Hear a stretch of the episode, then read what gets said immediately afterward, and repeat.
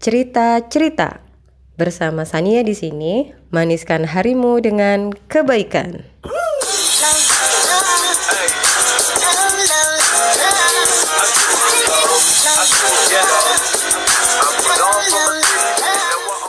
Oke, di podcast perdana ini saya cuma pengen angkat kenapa sih saya ambil kata cerita-cerita sebagai judul podcast saya.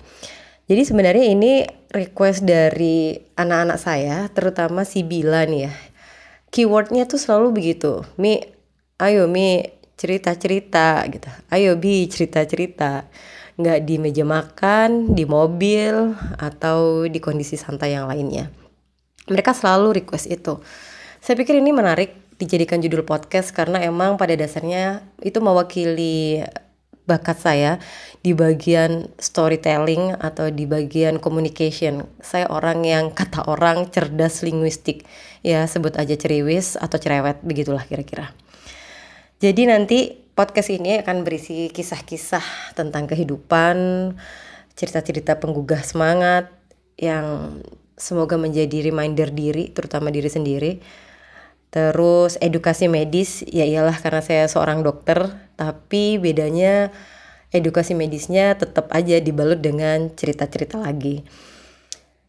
Kenapa saya suka dengan cerita-cerita? Karena sepanjang yang saya alami dari ketika kita bercerita itu bisa nguatin hubungan kita banget dengan siapa pun yang kita inginkan.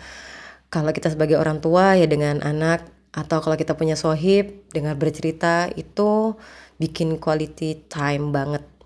Yang kedua, saya belajar di Al-Quran ternyata Allah banyak mengajarkan kita tentang banyak hal dan itu berupa kisah atau al-qasas bahkan dijadikan satu nama judul satu judul surat gitu ya Terus ibarat ruang nih, dia adalah tempat ngumpulnya banyak insight. Dengan bercerita akan banyak value, good value yang bisa kita ambil dan terapin di kehidupan kita masing-masing. Cerita-cerita juga bisa merangsang kecerdasan pikir dan emosional loh.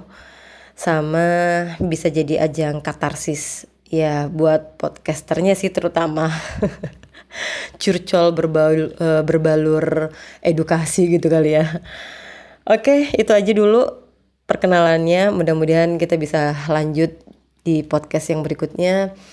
Mat enjoy, ambil insightnya, ambil good value-nya, lalu tebarkan. Semoga nggak hanya menginspirasi, tapi juga menggerakkan.